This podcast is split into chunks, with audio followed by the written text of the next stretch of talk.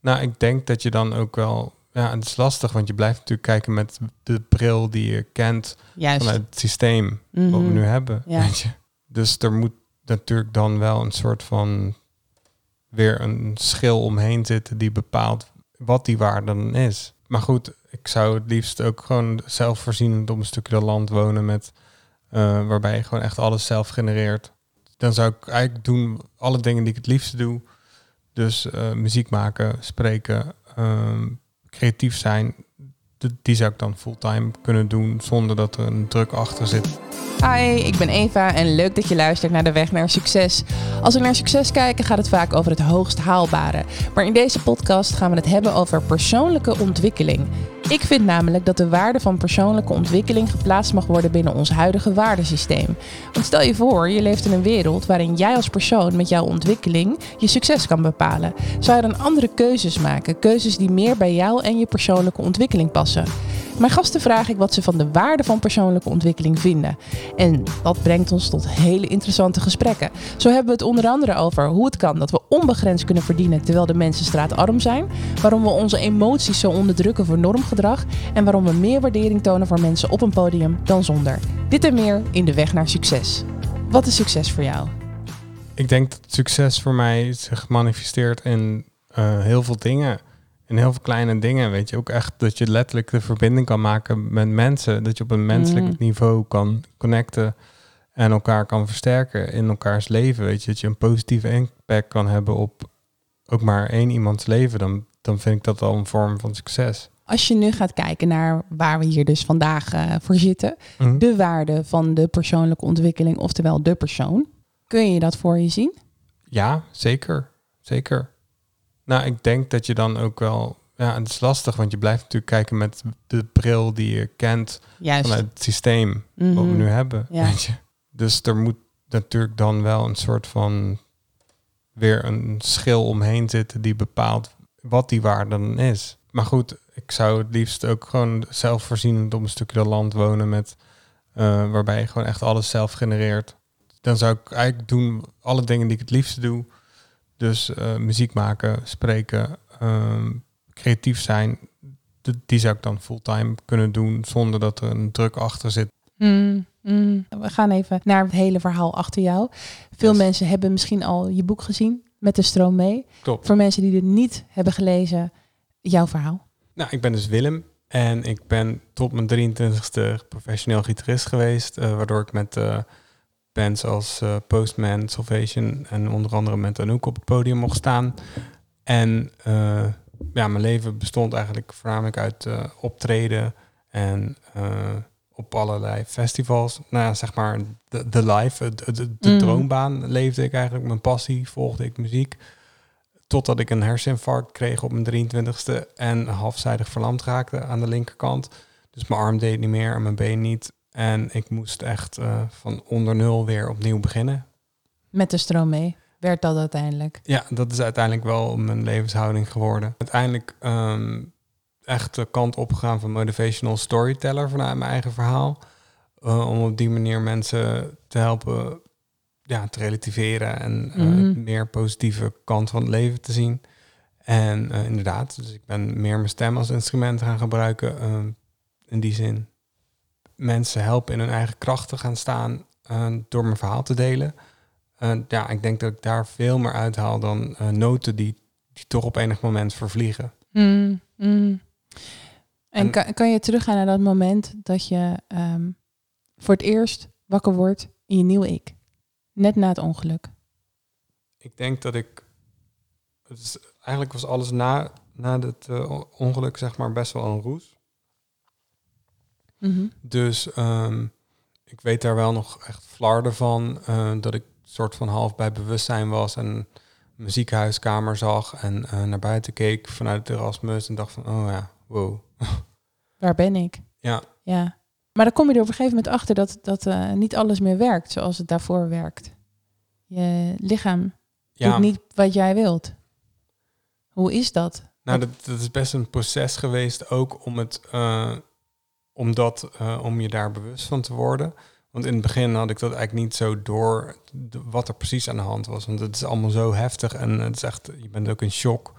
Dus het, eh, ja, dat... Je bent er ook mentaal nog niet helemaal. Nee, ik was alleen maar bezig met eh, mijn volgende gitaar en mijn volgende versterker die ik wilde gaan kopen. En hoe snel ik weer uit het ziekenhuisbed moet komen om mijn agenda weer...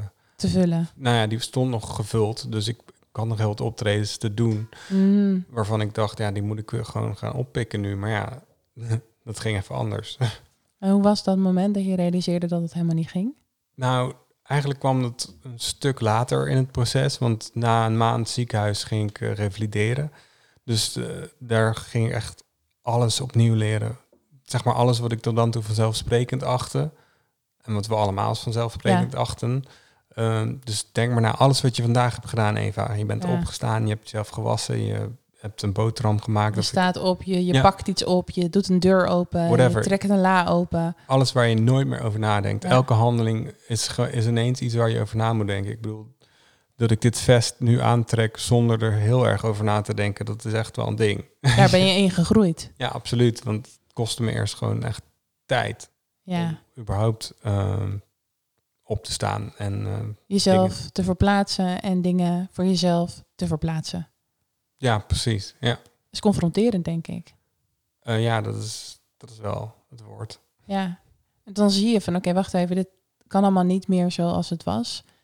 Eh, daar komt dan ook een beetje jouw verhaal naar voren, de stroom. Ja. Dat is dan jouw stroming. Klopt. Hoe voelt dat als je voor het eerst in die stroom komt? Is dat niet gewoon een enorme storm? Ehm, ja, het is een wervelwind, absoluut. Mhm. Maar op een gegeven moment dan eh, gaat hij ook wel weer liggen, want je gaat toch eh, stabiliteit creëren in je leven op een of andere manier. Ehm, en dan, dan wordt het dus cruciaal om eh, doelen te stellen en om uit die comfortzone te komen en te zorgen dat je weer op weg gaat naar een andere vorm van succes. Wat geeft dat je voor verruiming als je in je hoofd wel vrij kan zijn? Ehm, ik denk eigenlijk in de zin van dat, dat ik altijd het gevoel heb in beweging te zijn, ook al sta ik misschien even stil, in letterlijke zin. Je zou zeggen, jeetje, eh, je moet jezelf volledig gaan inleveren. Jij hebt het niet zo gezien. Je hebt dat boek geschreven met de stroom mee. Eh, je hebt daarin eh, keuzes gemaakt die ervoor zorgen dat je meegaat in de flow die voor jou op dat moment er is. Ja, klopt. Ja, Wat zijn daarin de krachtpunten? Want eh, daar moet je mentaal best wel veel voor doen, hè? Ja, het, is vooral, het gaat vooral heel erg om bewustwording van jezelf, je omgeving, hoe mechanismes werken. Ehm, voor mij houdt dat in dat ik eigenlijk zoveel mogelijk probeer de weg van de minste weerstand te kiezen. Mhm. Dus ehm, ik ja, het is wel een mooi vergelijk waar de titel ook vandaan komt met stroom mee. Eh, het komt eigenlijk eh, van, eh, uit de, een zalm vandaan. Want een zalm, die vis, die is eh, zo geprogrammeerd dat hij op enig moment terug moet naar zijn oorsprong. En dat doet hij ongeacht dat hij duizenden kilometers tegen de stroom inzwemt. Die, en daar heeft hij geen keuze in. Dat is gewoon automatisme. Ja, dat is Ja. biologisch zo geprogrammeerd. En als je het vertaalt naar je eigen leven, dan kun je zeggen van ja, we hebben wel een keus. Mhm. En als je dan teruggaat naar je oorsprong, wat het dan ook mag zijn, voor mij was dat het podium. En eh, dan kun je er dus voor kiezen, ga ik dat eh, doen eh, de moeilijke weg, zoals die zalm? Of ga ik dat doen via de minste weerstand en laat ik dingen op mijn pad komen doordat ik ze bedenk, ja, ik weet niet hoe je het moet zeggen, het universum ingooit. Ja, En dat er daardoor weer nieuwe dingen ontstaan die je niet eens had kunnen verzinnen. manifestaties. Ja, Ja. Het is natuurlijk per stroming heel anders hoe je daar dan op gaat zitten. Maar kun jij drie punten noemen waar je voornamelijk tegenaan loopt als je met de stroom meegaat? Want het klinkt allemaal alsof het perfect gaat en hè, dit moet je doen, maar daar zit ook een hele tegenslag in. Ehm, je loopt sowieso aan tegen weerstand vanuit jezelf. Want Mm, het heeft er echt mee te maken dat je letterlijk uit je comfortzone komt. Andere dingen gaat doen, want dezelfde dingen doen eh, levert constant dezelfde uitkomst op. Ehm, dus ehm, weerstand in jezelf, het levert weerstand uit je omgeving op. Misschien Ehm, je moet creatief blijven om eh, nieuwe dromen te vormen. om een stroom te creëren voor jezelf ook, denk ik. Ja, ja. Hoe heb jij dat gedaan? Eigenlijk op een vrij natuurlijke manier. Eh, ik ben gaan focussen op alle dingen die ik leuk vind om te doen. Dus het was voor mij heel duidelijk muziek. Ehm, daarnaast het spreken voor mensen. Ehm, en eh, op enig moment ook sport. Want ik ben heel erg actief gaan open water zwemmen met één kant van mijn lichaam. Dus ik heb op een gegeven moment het rondje Noordereiland gedaan eh, in de Maas. Wauw. En dat met één verlamde kant. Ja, met een één arm en één been. Was je niet even bang van, hé, hey, eh, leuk dat ik dit bedacht heb met de stroom mee, maar volgens mij ga ik eh kopje onder. Ja, nou, het is, het is heel letterlijk dat je Ja. dan ook met de stroom mee moet. Want je zwemt bij doodtij. Eh, dus, dus bij eh, ja, geen stroming, of in ieder geval zo min mogelijk. Ehm, want als je bij volle stroming zou gaan zwemmen... ja, dan kan je nee, niet, dan kan je niet niet. verplaatsen. Oké, goed, dan heb ik dat beeld Ja. nu helder. Dus er is helemaal niet zoveel stroom op dat moment, gelukkig. Nee, eh, je moet dat ook heel goed timen. En ik heb gelukkig een hele fijne zwembuddy die naast me zwemt. Want ik, alleen had ik het ook niet gedurfd. Voor veiligheid, ja. Ja. ja, Maar je hebt het dus wel gedaan. Eh, Ja. Dat is best wel interessant. Want het gaat dan niet per se om, ik ga hier zwemmen. Leuk, het was lekker in het water. Nee. Het levert je mentaal wat op. Ja, mentaal. Het, het maakt je weerbaarder, het maakt je sterker. Het maakt je ehm, eh, gewoon het feit dat ik zo'n doel heb kunnen stellen, er Mm. anderhalf jaar voor heb getraind. Die mentaliteit die hangt denk ik ook heel erg samen met de mentaliteit die ik als muzikant had. Want ehm, ja, dat is een beetje zoals topsporters ook met oogkleppen op trainen voor iets. Ehm, en daarvoor gaan zodat je dat doel bereikt. En dat maakt hem heel erg bewust dat je heel erg je eigen race aan het eh, rennen of zwemmen bent. Juist. En dan voelt dat toch opnieuw weer als iets overwinnen. Ja, absoluut. Maar het bracht me ook fysiek heel veel. Want juist door zoveel te trainen en te bewegen, Mm. gingen mijn hersenen nieuwe verbindingen aanmaken.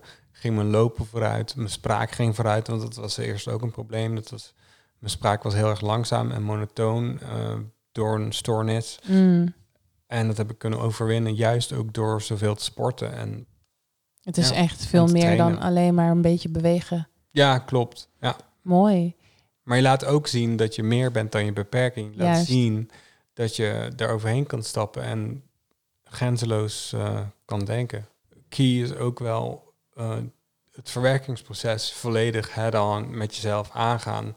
Want ehm, wat mensen overkomen is ook wel een soort van rouwproces geweest. Want je, ja, je verliest jezelf. ja, je moet echt een, een, eh, een stuk van jezelf achterlaten eh, om een nieuwe versie, in, vind ik in mijn geval, een betere versie van mezelf te kunnen Mm. worden. Mm. Dus om door te kunnen groeien moet je een soort van, eh, als een rups die een vlinder wordt, moet je een huid afsch- achterlaten, zeg maar.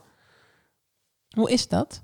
Gevoelsmatig? Is dat... eh, Eh, dat is een Verdrietig? heftig. Ja, dat is aan de ene kant verdrietig, maar aan de andere kant ook heel louterend, omdat je, als je dan uiteindelijk eh, op een punt komt dat je er gewoon een soort van vrede mee hebt mm, en het een, een helpende plek hebt gegeven, ehm, dus dat je er kracht uit kan putten, in plaats van dat je er alleen maar verdrietig van wordt als je erover terugdenkt, een heimwee hebt naar... Ja. ja. dan, dan is dat gewoon heel mooi. Klinkt ook mooi. Ik vind je sterk. Thanks.